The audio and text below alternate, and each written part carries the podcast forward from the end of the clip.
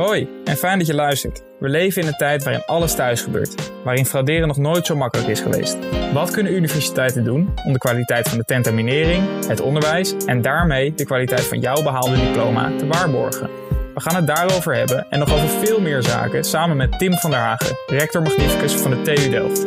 Welkom bij podcast Civiel Ventiel, de uitlaatclip van de civiele wereld.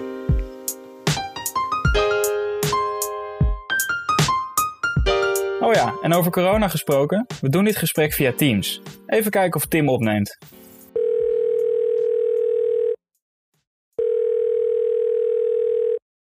Hartstikke fijn dat u eh, bij ons wil zijn. Ik voel me in ieder geval vereerd. Ik denk dat het voor Scheld ook zo geldt. We hebben een mooie aflevering voorbereid. U hebt al, bent u al een beetje van op de hoogte. Waarin we een aantal rubrieken, actualiteiten en wat vragen gaan behandelen. Dus dat hebben wij in ieder geval hartstikke veel zin in. Maar eh, voordat we dat gaan doen, eh, kunt u uzelf misschien eventjes voorstellen.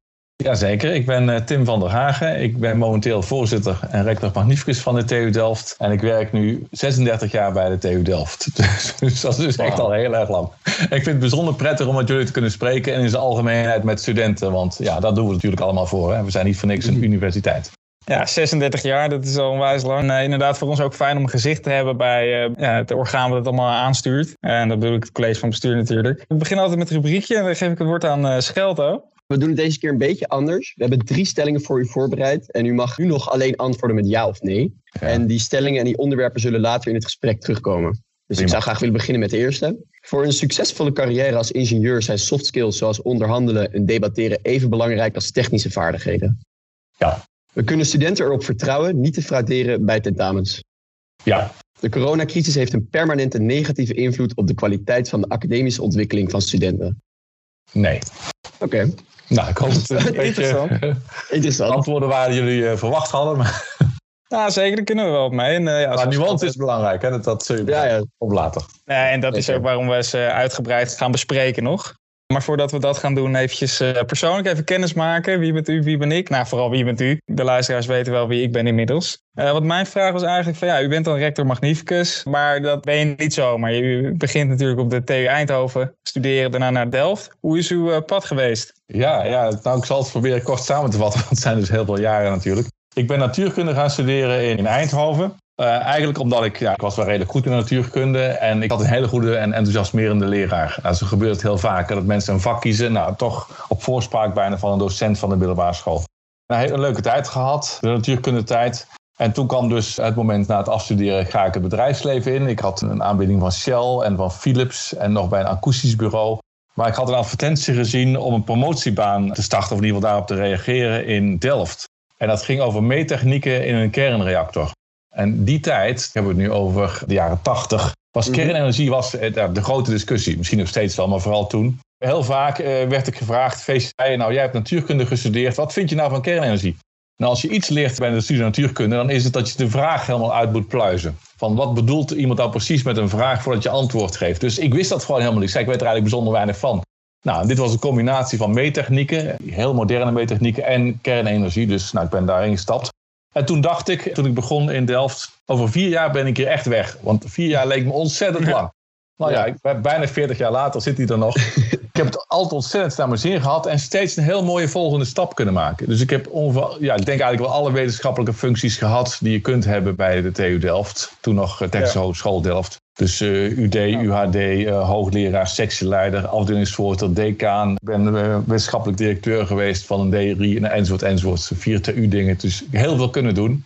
Als ik goed begrijp, hebt u op een gegeven moment dus voor de keuze gestaan of het academische leven volhouden of commercialisatie eigenlijk het bedrijfsleven ingaan. Ja. Als ik kijk naar mijn medestudenten, naar mezelf, dan zou bij mij vaak de keuze op het tweede liggen. Maar u hebt toch bij de, ja, bij, aan de academische kant bent gebleven. Wat is daar de reden van? Ja, dat is moeilijk te zeggen. Natuurlijk is die keuze wel vaker op mijn pad gekomen. Zo'n lange periode, nou, dan krijg je toch wel, wel uh, die attentie vanuit het bedrijfsleven. Ik vond in begintijd onderzoek heel erg leuk, heel interessant. Ik wou dieper gaan, dat was die promotietijd. Hè. En daarna eigenlijk ook nog wel. En uh, waarom ben ik bij de TU Delft gebleven? Ja, ik vind het gewoon ontzettend fijn om met hele goede mensen te werken. Echt topmensen. En dat zijn onze studenten en dat zijn onze medewerkers. En daar word ik nog steeds, ik, ik doe zelf natuurlijk geen onderzoek meer, maar ik, ik krijg heel veel nieuwe energie als ik met onderzoekers spreek. Of nu ook met jullie trouwens. Hè? Dan hoor je altijd weer verhalen en denk ik, goh, wat leuk is dat. Nou, en dat, dat, dat, heb ik de hele dag. Ik krijg de hele dag mooie verhalen te horen. Die topmensen die zitten natuurlijk ook in het bedrijfsleven. Ik kan me voorstellen dat de R&D-sectie van, uh, van een Shell ook aan deze voorwaarden voldoet. Ja. Maar toch is... Uh...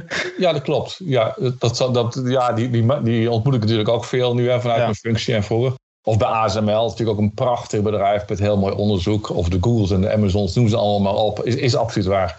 Ja, zo is het bij mij nou helemaal gelopen. ASML, een Nederlandse trots uh, natuurlijk. Dus, uh, maar uh, zit er dan ook een iets bij van het ja, mensen vooruit willen helpen? Studenten ook zo'n kans willen geven als die u heeft gehad. Twee technische universiteiten, waar we ook zo nog terug over gaan. Is, is daar iets, iets, zit dat in u, in uw dagelijks Ja, ik ben wel erg mensgericht. Nou, zoals ik al eerder zei, ik omring me graag met, met, met goede mensen. Het gesprek vind ik belangrijk. Natuurlijk kan het bij het bedrijfsleven ook. En jonge mensen vind ik ook heel belangrijk. Ik spreek nu nou, dagelijks met en afdelingsvoorzitters. En dan gaat het eigenlijk altijd over de vernieuwing, over de nieuwe generatie.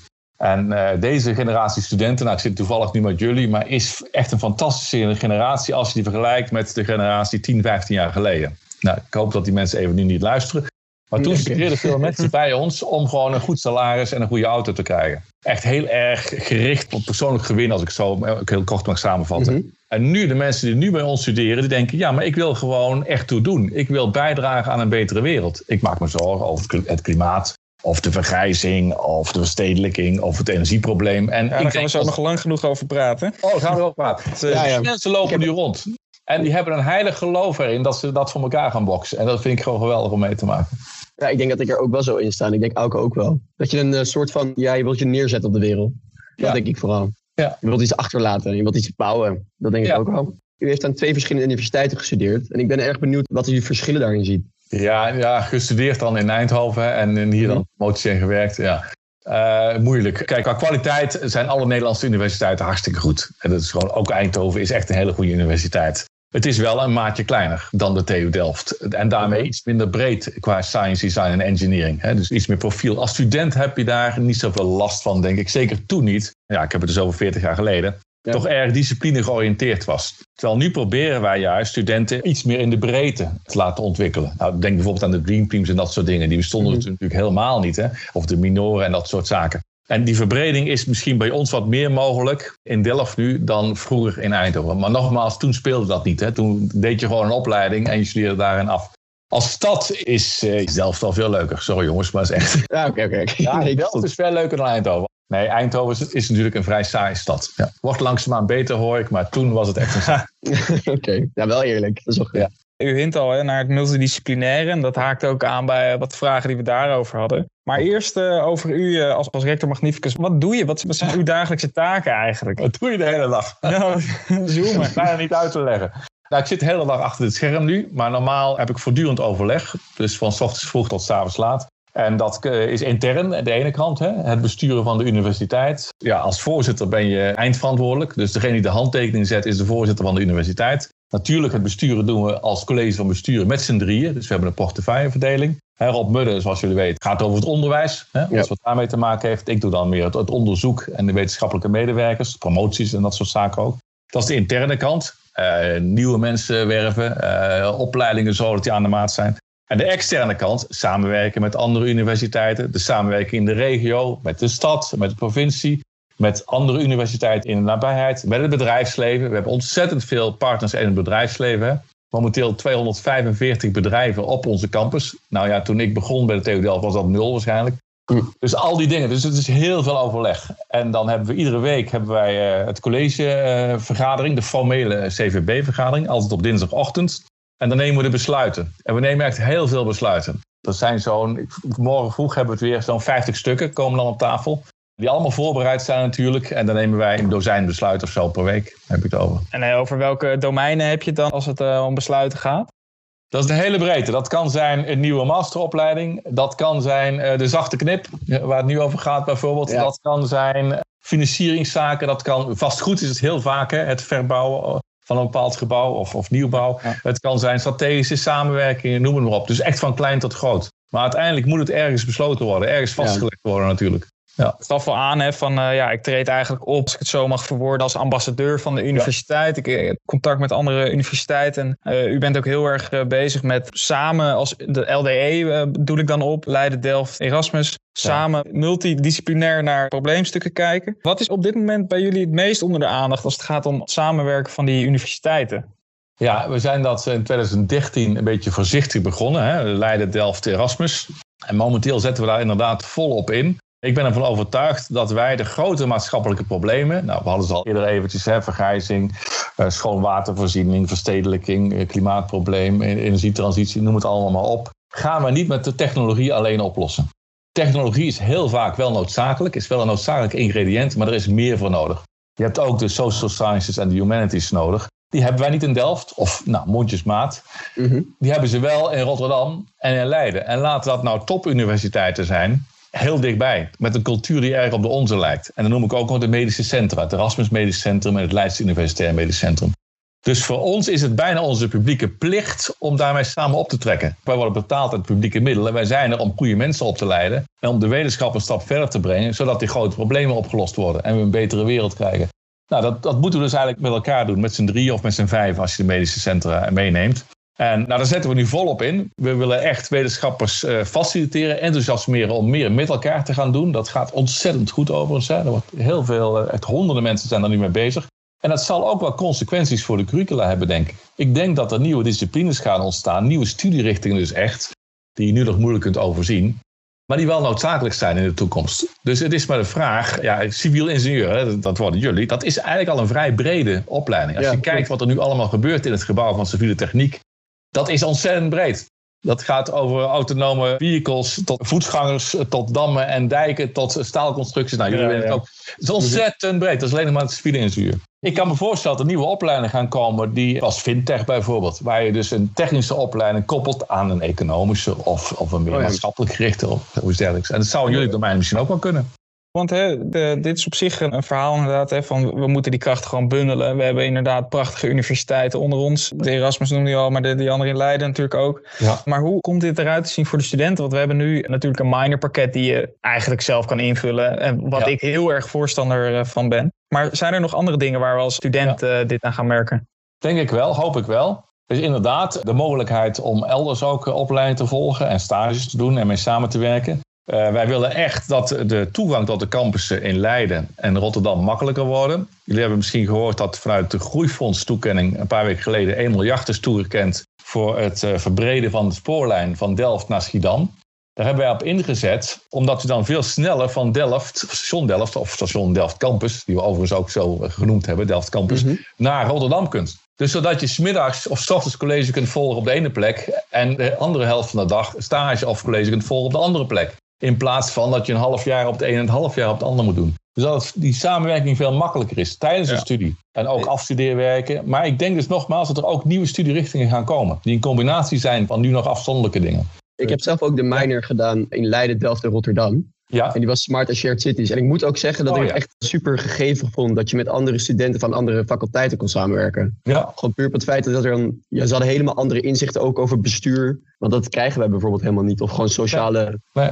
Vakken. Ik zou eigenlijk willen weten waarom er dat niet in het curriculum van het bachelorproject, dat dat niet terugkomt. Dat je Ja. niet eh, een soort van integrale vakken hebt met allemaal verschillende universiteiten. ja, het probleem is, die curricula nu zitten echt bomvol. Dat weten jullie ook. Mhm. Daar kan niks bij. En eh, van alle kanten is er druk, ook vanuit studenten zelf, maar ook vanuit het bedrijfsleven, om daar dingen aan toe te voegen. Bijvoorbeeld juridische aspecten, of projectmanagement, of internationalisering, of onderhandelen je het geloof ik over, dat soort dingen. Maar dat, dat kan niet, want er moet er iets uit. En niemand die in een opleiding draait als medewerker zegt dat het zijn vak, vak eruit mag. Want het is altijd essentieel. Ja, nee, dus, ja, dus dan moet je echt gaan nadenken over een heel, nieuwe, heel nieuw curriculum. Klinische technologie is er zo eentje. Hè? Dat doen we samen met Leiden en Erasmus bij de afdeling 3ME. Dat is echt een nieuwe opleiding. Eh, verder hebben we Life Science and Technology, TNW samen met Leiden. We hebben eh, Molecular Science and Technology, ook zo'n gecombineerde opleiding. Dus we hebben ze wel hoor. Mhm. Maar zomaar wat toevoegen is erg moeilijk. Je moet Maar- echt nadenken over eh, een, iets nieuws. Als ik daarop mag inhaken, want u geeft inderdaad aan hè, van ja, dat, dat zou dus betekenen dat er een extra vak bij moet komen. En dat er dus vanwege de drukte een ander vak uit moet. Eh, maar wat we bijvoorbeeld bij ethiek zien, ethiek is sinds eh, weet ik veel hoe lang is dat net volgens mij twee jaartjes, drie jaartjes is dat een, een leerlijn in onze bachelor. Kunnen voor, dat wordt zeg maar ingepregneerd in alle vakken. Er, overal zit een klein ethiekdeel. Ja. Ik kan me voorstellen dat je op die manier ook onderhandelen kan doen of netwerken. Dat je, ja, ja, dat klopt. Zou dat niet de mogelijkheid zijn? Ethiek hebben we verplicht gesteld voor alle bachelor- en masteropleidingen. En zit er inderdaad een beetje in verweven. Hè? Zo hier en daar komt dat ineens boven. En ik denk eigenlijk samenwerken en onderhandelen, dat wordt vaak gezegd, de Delftse ingenieur. Wat is dat nou?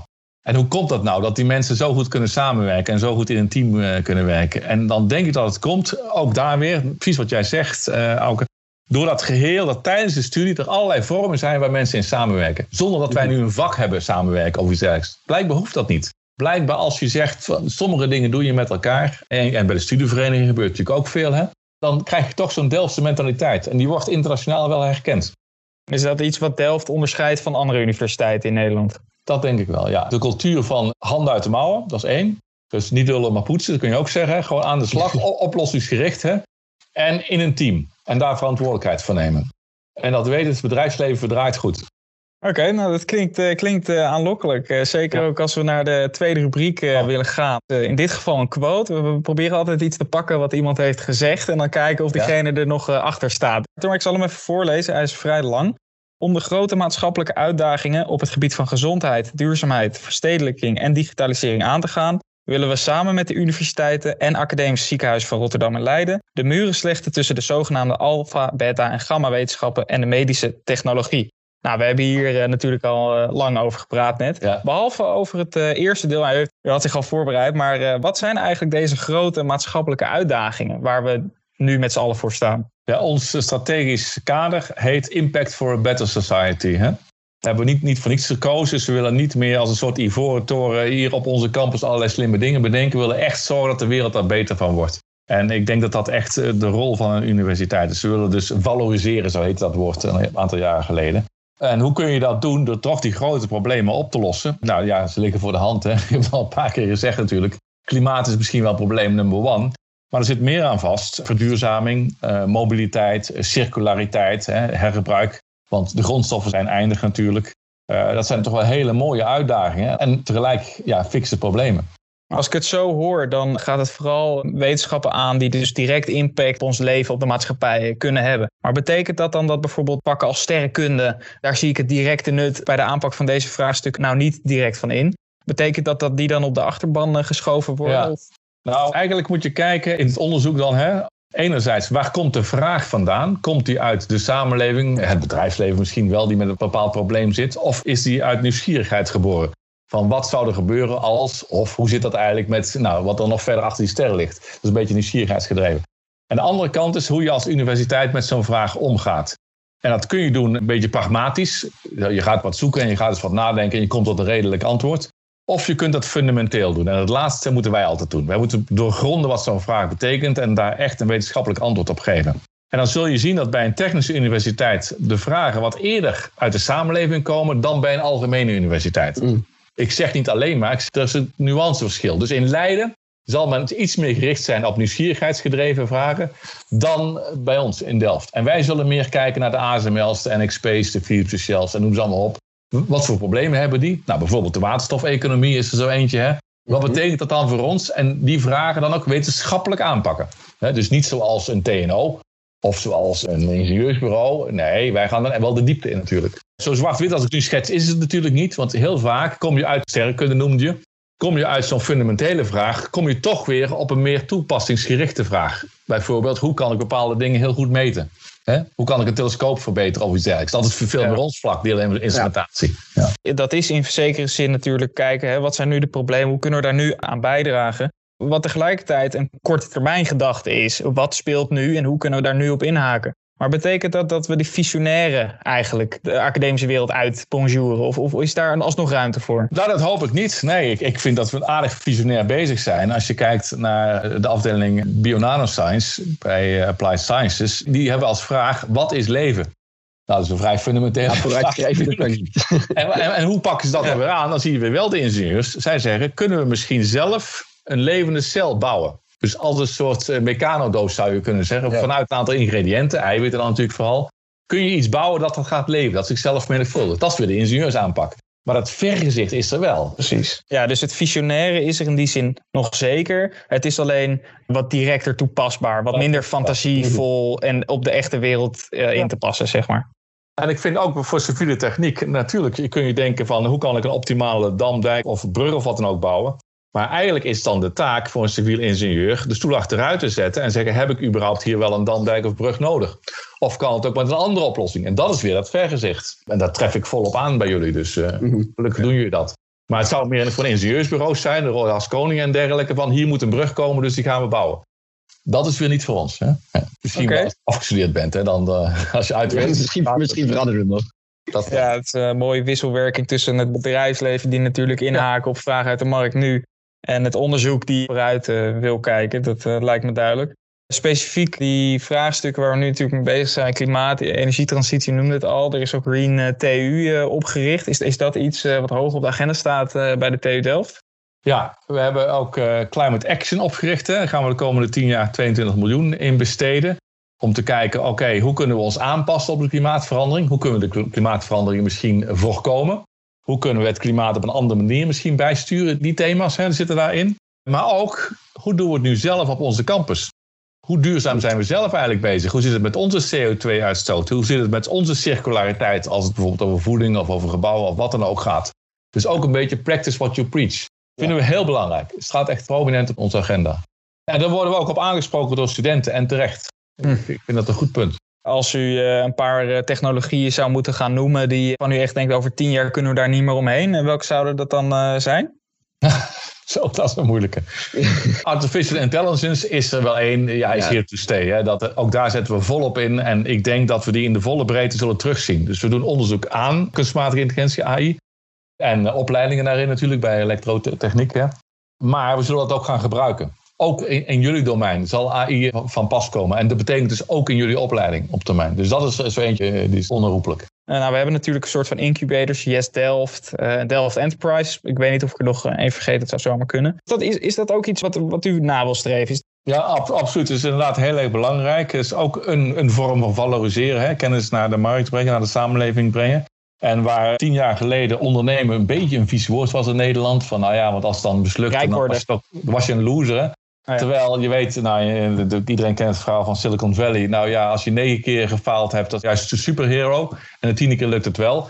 Nou, die kant op zijn we nu aan het bewegen in Nederland. Hè. Er zijn heel veel medewerkers en studenten en net afgestudeerden die zelf een eigen bedrijf beginnen, een start-up, hè, kleinschalig. Mhm. Ondersteunen wij volop. Inderdaad, met Jess Delft. Hè. Dat is een van de beste universitaire incubators ter wereld trouwens. Oké. Okay. Dat, staat, uh, dat staat in de top 5 ter wereld. En uh, kort geleden hebben een aantal alumni hun schouders daaronder gezet. Van, zowel van de Erasmus Universiteit als van de TU Delft. In gezamenlijkheid. En zij gaan het ook financieel ondersteunen. Okay. Als er nou studenten zijn die goede plannen hebben. Dan zeggen zij, dan willen we daar wel geld in steken. Want ook zij zien, jongens, de wereld, daar zijn we weer. De wereld is gebaat bij jonge, creatieve, enthousiaste mensen. Die de wereld verder willen helpen. Daar gaat het om. En dan zijn we en... toch terug bij het begin. En, en, nogmaals, ik denk dat deze generatie dat, dat echt in zich heeft. En uh, zet u zich uh, via de TU ook in om de, de, studenten die deze ideeën hebben, die deze wensen tot ondernemerschap hebben, om die in staat te stellen deze alumni ook te bereiken? En ook ja. daadwerkelijk. Want hoe, uh, hoe, hoe, moet ja. dat dan? Ja, dat moet er even vorm krijgen, want dit hebben we net vorige maand getekend, dit contract. Primeur. Met, ja, ja, is echt. ah, mooi. Maar we hebben natuurlijk ook het Center for Entrepreneurship. Hè, dat vanuit TBM wordt dat uh, vormgegeven. Uh, waar studenten ook vakken in kunnen volgen. Ook dat, op die manier kun je, kun je je vormen. Maar als je concrete ideeën hebt voor een onderneming, dan is het nu het handigste om dat via het valorisatiecentrum te doen. Of via Yes Delft, kan ook. En zij ja. weten de weg dan wel te vinden. Maar er zijn dus echt volop mogelijkheden om daar steun voor te krijgen. En zowel coaching, begeleiding, als ook financiële steun zelfs. Oh ja, dat, dat, dat, dat, laat echt Goede ideeën wel, hè? Ja, niet iedereen. Uh, ja. dat, dat laat dus echt zien dat de, de vraagstukken waar we met z'n allen voor staan, die beantwoord je door multidisciplinariteit, onderzoek doen, dus uh, wel, wel toch die visie uh, aanjagen, maar ook echt ondernemen. En de TU Delft lijkt me een organisatie die op alle drie de fronten vol gas geeft. Absoluut. Ja, of uh, het stroompedaal vol in uh, drukt. Om maar, uh, ja, ja, geen gas meer. Nee, het is geen gas meer. Ja, waterstof, vooruit. ja, ja. ja, en dan de olifant in de kamer. Ja. Oh. Ja. Het coronabeleid van de TU. Dat is ah, een groot onderdeel dat we nu willen bespreken. Ja, um, Ik heb eigenlijk een vraag daarover. Ik zou graag willen weten of de cijfers significant zijn gestegen van het aantal PSA-uitstel aanvragen daarvan. Niet heel erg, wel wat inderdaad, ja, en terecht. Maar misschien even, even daaraan voorafgaand, hè, hoe Ja. wij erin zitten. Wij willen eigenlijk dat studenten zo min mogelijk last ondervinden in hun carrière, in hun studie van corona, van COVID. Mhm. En hetzelfde geldt ook voor promovendi hè, en voor postdocs. En dat betekent dat wij als basis hebben, laten we proberen dat tempo vast te houden. Want het zou natuurlijk vreselijk zijn als je uitstel zou moeten krijgen ergens voor. Hè? Want Oh, het studietempo bedoelt u? Het studietempo, want dat Ja, ga je gewoon niet meer in.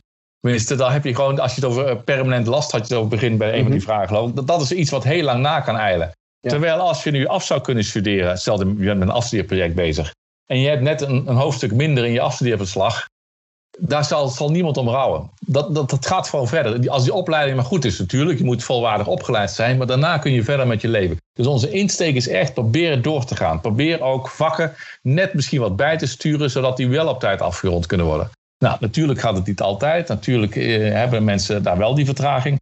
En dan moet er ook een mogelijkheid zijn. Ja, Zoals een zachte knip. Ja bijvoorbeeld, ja, nu eh, 15 punten. Hè? Ja, ja, ja, ja. Wat zou je zelf zeggen als het een nadeel is van een zachte knip? Naast dat misschien mensen doorgaan die het eigenlijk niet zouden mogen hebben. Ja, dat zit erin natuurlijk. Hè? Ja. Ja. Ja, ja, het is natuurlijk niet voor niks ooit bedacht. Hè? Het ene afronden Mhm. en het volgende starten.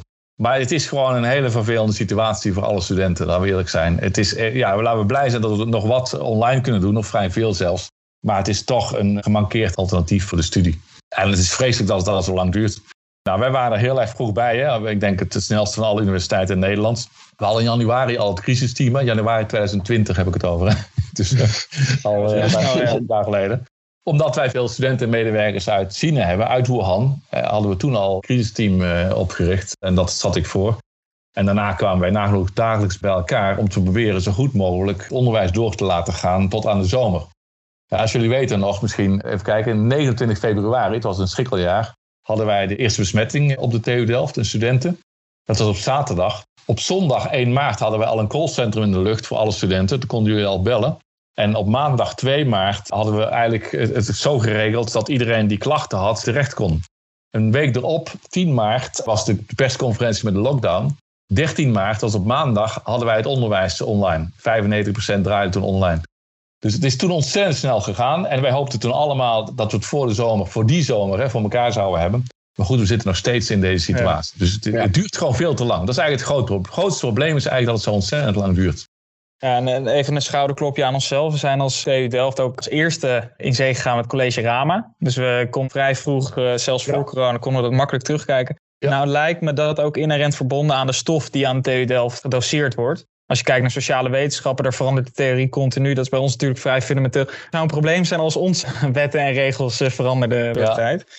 Kijk, als je geneeskunde studeert of diergeneeskunde, dus je bent met andere mensen bezig, Mhm. ja, dan zit je wel aan het schip hoor. Ja. Die kunnen dus heel veel praktijkwerk niet doen. Dus wij hebben in die zin inderdaad makkelijke studies. Dat daar heb je wel gelijk in. Kijk, dit is natuurlijk een probleem waar niemand om heeft gevraagd. Je, zou kunnen argumenteren dat eh, onze levensstijl een beetje ertoe heeft geleid tot corona. Maar niemand heeft er in ieder geval op zitten wachten. Neemt niet weg dat de maatregelen die u eh, terecht waarschijnlijk eh, neemt, inherent eigenlijk verbonden zijn aan misschien een verlaging van de kwaliteit van het onderwijs. Of, of ik weet niet hoe Nu. ik dat moet zien. Onze volgende vraag ging over het frauderen het, het tijdens tentamens. Ja, ja. En de TU Ja. Delft is heel erg van, nou, ja, we vertrouwen. Weet je, kijk, je moet wel een verklaring afleggen dat je dat niet gaat doen. Maar verder zijn er niet heel veel maatregelen. Zeker als je het vergelijkt met andere universiteiten.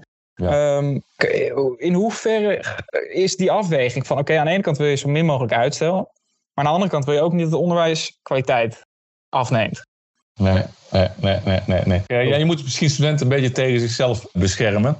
Eh, kijk, dat iemand op de middelbare school op een andere manier in zijn studie zit eh, dan op een universiteit, eh, dat begrijp ik al. Maar hier bij de universiteit wil je eigenlijk mensen hebben die enthousiast zijn, ambitieus zijn en proberen zoveel mogelijk mee te krijgen. En zou je zelfs kunnen zeggen, moet je dat nog tentamineren? Hè, als iemand gewoon netjes meeloopt en Mm. geïnteresseerd is, dan gaat het vanzelf goed. Nou, de praktijk blijkt net wat anders te zijn. Blijkbaar hebben studenten toch nodig om ze nu en dan een- tentamen te krijgen en een cijfer ervoor te krijgen. En het blijkt ook als je het te makkelijk maakt om daar fraude te plegen, ja, dat het wel degelijk gebeurt. Dus ja, zo zit er een beetje in. Maar, er er zijn heel veel studenten, het merendeel gaat super en heeft het eigenlijk niet eens nodig. Dat zie ik ook wel. Maar waar ligt de afweging, zeg maar, om wat ik vooral heb gemerkt, is dat wij niet heel veel proctor-tentamens hebben. En andere universiteiten wel. Waar ligt die We proberen zoveel mogelijk inderdaad het Proctor te vermijden. Dat is op een andere manier. Maar hebben jullie daar nu ook vertraging door ondervonden dan? Nee, nee, zeker niet. Maar ik vraag gewoon af van Proctor kan je frauderen heel hard in het oog houden. En... Nou, nee. Er zijn echt uh, heel veel gevallen bekend van grootschalige fraude. Oké. Ja. Maar dan is denk ik de definitie van proctor-tentaminering bij ons niet helemaal duidelijk. We hebben het over het tentamen afnemen waarbij je ongeveer 26 webcams in je kamer moet plaatsen, zodat je kan aantonen dat je niet fraudeert. Dat heb je op de TU Delft niet, terwijl je dat bij andere universiteiten Ja, nee, daar hebben we het inderdaad over. En dan hebben we toch nog verhalen van mensen die eh, via WhatsApp of iets dergelijks heel snel dat met elkaar... De ene doet de eerste helft van de vragen, de andere de andere helft van de vragen. Oh, ondertussen heb je dat door aan een groep. En nou, het is echt wat er allemaal bedacht wordt soort van schijnzekerheid levert. Ja, dit, door, uh... dat blijkt toch te gebeuren. Helaas, helaas natuurlijk. Okay. En, en dan wordt voor iedereen zo'n tentamen ongeldig verklaard. Nou ja, dat wil je ook allemaal niet. Mhm. Dus dan denken wij, nou proberen we het uh, nu op de campus te doen, hè? kleine groepjes. Zoveel mogelijk, ja. Dat is denk ik de beste oplossing om... Uh, ja, om... in wel. Ja. ja. Maar het onderwijs, dat we daar een flink deel van online zullen blijven doen, dat zou zomaar eens kunnen. Dat we die grootschalige hoorcolleges misschien in de toekomst niet meer gaan doen. Dat het efficiënter is om via Dat kan waarschijnlijk. Ja. ja, dat, dat mensen dat gewoon thuis kunnen kijken. Misschien hybride, hè? dus een docent geeft college aan, uh, nou noem eens wat, 100 mensen of zo, 100 studenten. En de rest kijkt thuis gelijktijdig mee. En verder heb je op de campus vooral projectgroepen, werkgroepen, vragenuurtjes, dat soort dingen. Veel meer interactie.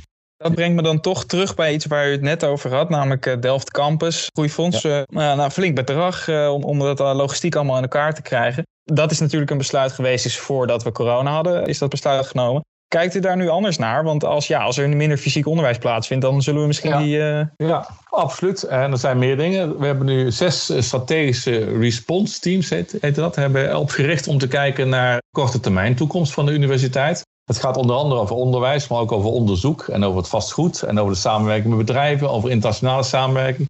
Maar één is dus inderdaad onderwijs, onderzoek en de consequentie voor het vastgoedontwikkeling. We hebben een campusstrategie, hè, hoe de komende jaren onze campus gaan vernieuwen. Waar we echt heel veel geld in gaan omzetten. We gaan vrij veel op Zuid ook uh, bouwen. En ook jullie gebouw zal wel een keer uh, aan de beurt komen. Hè? En, ja, ja, ja, wel, gelijk. En inderdaad, het is maar de vraag of je nog wel dezelfde vierkante meters gaat bouwen als dat we dat een jaar geleden met elkaar bedacht hebben. Als je mij vraagt, ik denk het niet. Ik denk dat, dat we flexibeler gaan bouwen. Dat we niet met die hele grote collegezalen gaan bouwen, maar meer ontmoetingsruimtes. Een verzamelgebouw waar bedrijven, start-ups, studenten, medewerkers elkaar ontmoeten. Dat soort meer bouwplaatsachtig. Ja, meer bouwplaatsachtig, precies. Ja, mhm. de, de, labs die zullen wel blijven natuurlijk, hè, laboratoria, dat is duidelijk. Maar collegezalen, ja, eh, sowieso als we al collegezalen hebben, zal daar veel meer eh, online apparatuur in opgenomen moeten worden. Zodat je goed contact hebt met de mensen die thuis zitten of waar dan ook. Ja. Dus het heeft zeker consequenties. Ik kan me voorstellen. Het goedkoper wordt, is maar de vraag. Veel mensen dachten dat ze al, iedereen die thuis zit is goedkoper. Dat vraag ik me af of dat zo is. Ja, je moet een hele, voor medewerkers moet je eigenlijk twee werkenplekken inrichten. Hè? Eén op de campus en één thuis. En wij als werkgever zijn voor allebei verantwoordelijk. Dus ja, je moet natuurlijk ook een hele nieuwe infrastructuur uit gaan vinden. Het, het wiel eh, opnieuw uit gaan vinden. En ik kan me ook voorstellen dat de capaciteit van een universiteit ook toeneemt als het meer digitaal plaatsvindt. Is dat iets waar u uh, kansen in ziet om meer studenten aan te kunnen trekken? Ja, we zijn al heel groot, hè? nu met 27.000 studenten, ongeveer uh, verdubbeld de afgelopen 15 jaar. En uh, op zich, onze campus is groot genoeg, laat wil ik zijn. Hè? Ook, ook, nu nog. Ja, zeker. De druk zit enorm op de medewerkers die het onderwijs moeten verzorgen natuurlijk. Hè? Dus we hebben het aantal medewerkers is nauwelijks gegroeid in al die jaren. Maar de grootste druk zit op de stad. We merken gewoon dat de stad Delft wel uit zijn vroeger begint te, te barsten. 100.000 inwoners. Nou ja, de, de woning. Huisvestingen. Ja, 15.000 studenten. Dus het is vrij veel overlast ook. Hè? Krijg je veel klachten van, van burgers. Ja, dat is helemaal zo. Ja, ja. Dus daar moeten we wel wat mee. En uh, dat is ook een van de redenen, niet de hoofdreden, maar een van de redenen waarom we ook met uh, Rotterdam aan, nadrukkelijk aan het kijken zijn. Om misschien daar ook studentenhuisvesting uh, te hebben. En ook daar colleges te geven bijvoorbeeld. dat zou zomaar kunnen. Bepaalde studies. Ja. Dus eigenlijk zit de begrenzing zit in de stad meer dan op de campus. Ja, en dat haakt ook een beetje aan bij het feit dat nu corona plaatsvindt. Ontmoetingen worden zoveel mogelijk online gedaan, waardoor de drempel hoger is. Dat is iets wat we ook als, uh, van onze luisteraar als vraag hebben ingezonden gekregen. Van, ik merk gewoon dat ik minder snel uh, huisvesting vind, netwerken vind. Is dat iets waar jullie als stuur ook op inzetten om, om dat te bespoedigen? Uw verhaal haakt daar in ieder geval goed op, op aan. Ja, absoluut. Nou, ten eerste herken ik enorm dat die interactie heel belangrijk is. En we zijn eigenlijk weer bevestigd in het feit dat we echt een campus nodig hebben. Zo'n jaar of vijf geleden kregen we toch vaak te horen... ach, zo'n campus is ouderwets, iedereen doet het straks online. Nou, daar geloof ik helemaal niet meer in. Je moet elkaar ontmoeten.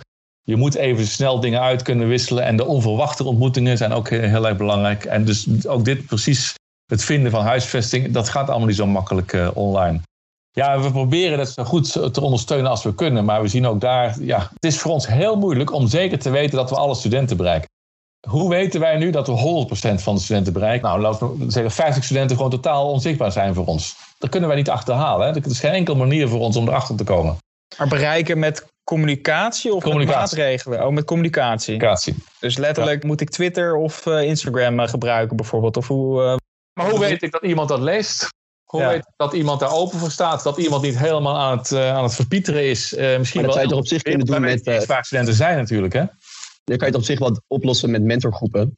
Ja, daar proberen we veel te doen. Ja, dat, dat helpt wel. Maar ook die, dat, daar heb je geen zekerheid hoor. Dat het toch niet die ene student tussendoor glipt. Van, goh, we hebben al een tijd niks meer van gehoord. Dan moet je, je kunt moeilijk tegen studenten zeggen, je, je hebt de verantwoordelijk voor die mensen. Ja, en hoe groter de groep, hoe minder makkelijk dat natuurlijk ook de, die feedback eigenlijk waar u om vraagt, die is natuurlijk steeds moeilijker als de groep groter wordt. Ja. Maar is maar dat niet... Bij praktische studies zou het natuurlijk geweldig zijn als jullie zouden kunnen zeggen, ja, maar wij weten gewoon welke studenten deze studie volgen en we hebben iedereen een beetje in de smiezen. Ja. ja. Dat zou ons enorm geruststellen. Als dat moeten, we, moeten we even op AVG kijken of het allemaal kan en mag. Maar uh, dat lijkt me zeker geen slecht idee. Smies in de zin van iedereen zit er nou, redelijk happy bij. Zo bedoel ik het. Hè? En, en kunnen we niet op een gegeven moment ook zeggen van... ja, maar hey, je doet een universitaire opleiding. Het is gewoon je eigen verantwoordelijkheid. Ja, maar we weten ook dat in deze tijd mensen wegkwijnen. Uh, ja. Die echt ja. niet zien zitten. Op verschillende plekken. Misschien zitten ze wel, zijn ze terug naar huis gegaan, waar ook in de wereld. Het, ja. Laat eerlijk zijn, er komen veel meer gevallen nu bij onze psychologen terecht dan normaal. En die hebben we ook extra op ingezet hoor.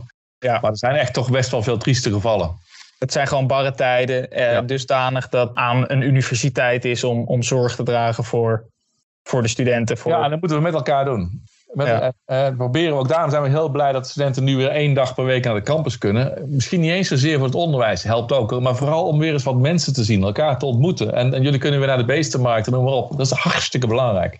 Hè? In plaats van allemaal op het kamertje te zitten. Ja, het sociale aspect dat motiveert je ook wel als gewoon een student. Absoluut, ja. Ja, ik vind het leuk om te zien. Afgelopen weekend ook weer even rondgefietst door de stad. Ja, dat je eindelijk weer eens mensen gewoon een beetje vrolijk ziet rondlopen. Ja, dan wil ik toch uh, nog even teruggaan naar het behalen van je diploma in een coronaperiode. We hebben het net over de versoepeling. Oh, ja. ja, ik noem ze versoepelingen. Dat is misschien niet helemaal terecht. Maar u gaf al aan hè, van hoe kunnen we een vak dusdanig maken dat het wel binnen de tijd past. Ja. Nou ja, goed, dat, dat klinkt zeg maar in zekere zin als een versoepeling. Maar dan rijst natuurlijk bij sommigen ook de vraag: ja, maar wacht even, als je uit een jaar komt waar deze maatregelen allemaal getroffen zijn, wat is dan het effect op de waarde van mijn diploma? Gaan bedrijven daar iets van vinden? Of hoe ziet u dat? Nou, ik, ik denk het niet. Dat, dat de laatste geloof ik vind het niet echt een versoepeling. Hè. Het is meer een aanpassing van het curriculum. Dat je bijvoorbeeld zegt in plaats van praktisch werk doen we online een bepaalde opdracht of iets dergelijks. Hè. Dat zoiets zou je kunnen bedenken met elkaar. Dus het zijn nog steeds volwaardige ingenieurs. Ik denk dat het bij een toekomstige werkgever beter overkomt als je zegt: Nou, ik heb mijn studie ondanks corona in redelijke tijd afgerond. Ja, ik heb wel wat minder kunnen doen aan praktisch werk dan ik gehoopt had. Dan wanneer je zegt: Ja, mijn studie is uitgelopen, maar ja, dat kwam door corona. Ik denk dat het eerst beter overkomt. Nou, dat vind ik wel een onwijs goede opmerking. Ook iets wat we mee kunnen geven aan de studenten. Van zie je het ook juist in als een onwijze kans om aan te geven van... hé, hey, ondanks corona, we, we zijn er gewoon heb met twee benen gestrekt. Heb ik wel snel kunnen doen. Ja, ja, maar, ja, maar, nogmaals, er zijn dus mensen met afstudeerprojecten die echt stilgevallen zijn en waar het niet voor geldt. Hè. Die hebben echt die verlenging nodig, dus die zijn er ook. Maar, dat, maar te snel naar die verlenging of, of die uitstelling te springen te kiezen. Ik zou proberen gewoon het tempo vast te houden. Ja, en dan maar een stage in het buitenland minder of iets dergelijks. Of geen, ja, dat, dat zijn dan de dingen die je op moet geven. Mm -hmm. ja. Want dat is gewoon niet mogelijk op dit moment. Nou, hartstikke goed. Volgens mij is dan uh, tijd voor het laatste. Dus uh, nog een olifant zeker, of niet? nee, dit is, dit, is, dit is wel een hele leuke olifant. Oh, een leuke olifant. Bij het onderdeel Amicale Verhalen krijgt de gast de keuze uit drie verschillende personen. Deze personen vertellen een leuke anekdote uit hun leven met een bijbehorende vraag. Deze aflevering bestaat de keuze uit.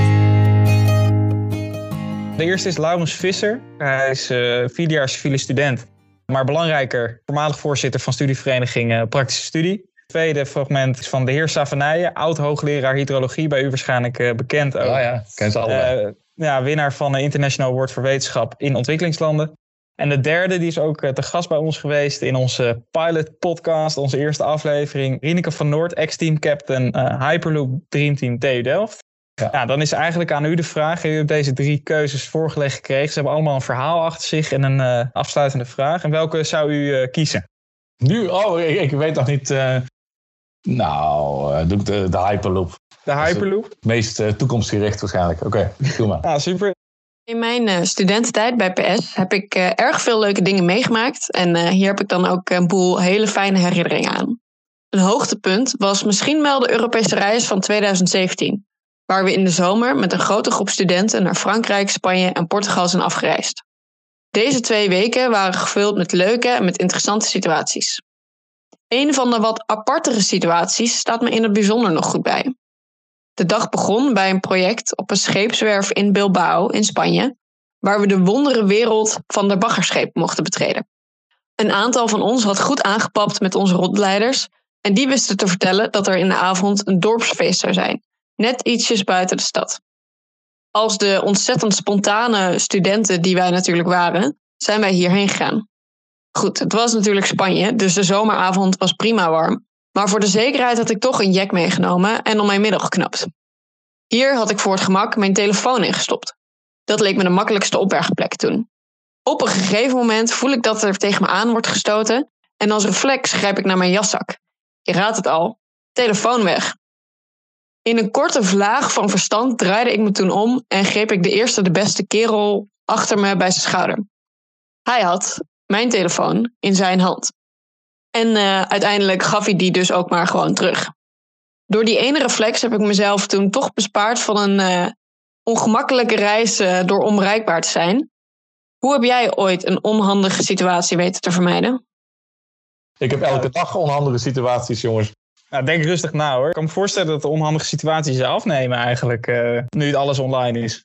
Nou, ik ben ook wel een keer mijn telefoon verloren op de campus, moet ik zeggen. En nou, toen besefte ik wel eh, hoe ontzettend belangrijk die telefoon tegenwoordig is. Hè? En ja, in mijn geval, je kunt natuurlijk e-mails mee beantwoorden. Je kunt opdrachten geven voor betaling en weet ik wat allemaal. Dus ik verschoot wel even van kleur. Maar die heb ik toen teruggevonden met, uh, hoe heet dat? Find my, my iPhone. Oh ja. Oh, ja, dat is handig om de ongemakkelijke situaties te voorkomen, is om uh, open en eerlijk te zijn altijd. Dus ik ben uh, van nature erg open. Ik merk dat trouwens bij de TU Delft is een algemeenheid. Dat, dat, wij hebben geen politieke agendas of uh, verborgen agendas, dat doen we niet. En dan zijn er altijd wel andere mensen die, die helpen. Ja, onhandige situaties. Ja, heel mijn leven heel veel gehad hoor. Dus, uh, en nog steeds. Dus. en als je ze nou uh, niet kan voorkomen, ik kan me voorstellen, u treedt vaak op als publiekelijk uh, figuur. Dat zijn we op dit moment natuurlijk mee bezig. Heeft u wel eens ja, een flater gelaten, zegt iets verkeerds gezegd of, of whatever. En wat is dan de beste manier om daar mee om te gaan? Nou ja, ik, ik, ik heb natuurlijk inderdaad heel veel delegaties ontvangen of, of daar, daarmee gesproken. En dat je dan een keer de persoon aanspreekt. Ja, dat gebeurt, gebeurde me vroeger nog wel eens. En dan zei ze iemand, ja, ik ben de secretaris of de secretaresse. En of ik begeleid de mensen naar de deur, weet je wel. En dan staat er een Japaner heel hoog in, in de boom, staat er ontzettend uh, geïrriteerd te kijken. Ja, dat is er wel eens gebeurd, ja. nou ja, het enige wat je dan kunt doen is, uh, is, is uh, honderd keer sorry zeggen en dan maar gewoon blijven glimlachen is misschien wel het allerbeste. Je moet zelf nooit daardoor geïrriteerd raken. Precies dat de beste les. Dat heb ik van mijn voorganger geleerd, de Dirk-Jan van den Bergen, voorzitter voor mij. Die zei altijd inderdaad, blijven glimlachen Tim. Wat er ook gebeurt, blijven glimlachen. Dus zelf proberen positief te blijven. Dat is het, dat is het allerbelangrijkste. En ja. Koers vooruit, glimlachen, passie ja, tonen. En sorry en, uh, en verder. Ja. Nou, lijkt me een leuke afsluiter. Ja. Blijven glimlachen. Ik heb eigenlijk geen enkele vraag teruggesteld. Hoe gaat het met jullie? Oh, dat is, uh, ik ben ook de eerste gast die dat doet. Uh. Die dat doet, ja, dat is aardig. Bij mij gaat het best wel goed. Ik ben bezig met mijn bachelor-eindproject bij transport en planning. Ja, voor de rest, ik ben bezig met mediatie. We proberen leuke dingen neer te zetten. Ik probeer een beetje bezig te blijven nu. Ja. Maar mentaal, en daar heb ik zeker geen last van op dit moment. Dus ja. dat is goed. Ah, gelukkig. Ja, ik had aan het begin wel, uh, ik, ik, had mijn bachelor eindproject vorig jaar. En toen uh, merkte ik toch wel dat het ja, mentaal uh, is wel zwaar om iedere keer maar achter je laptop te duiken. Maar ik heb nu gelukkig werk gevonden waarvoor ik uh, fysiek uh, bezig kan zijn. We zijn aan het werk in een kas met een start-up, dus dat is hartstikke leuk. Onwijs goed, echt uh, ja. hartstikke leuk gesprek namens mij. Prima, ik hoop dat het goed overgekomen is. En, nou, nou jullie bedankt, het was leuk om te doen. Hè? Ja, veel succes. Ja, super. onwijs bedankt dat u hier was. Vereerd om met u te kunnen praten, hartstikke leuk. Bedankt voor het luisteren naar onze podcast. In de volgende aflevering komen de krattenbrugbouwers van de Apex langs en gaan we het hebben over een wereldrecordpoging, het ontwerpen van megaconstructies en over viraal gaan, van dumper tot hinek. Groetjes! U luisterde naar Civiel Ventiel. Deze podcast is gebracht door studenten van het gezelschap Praktische Studie.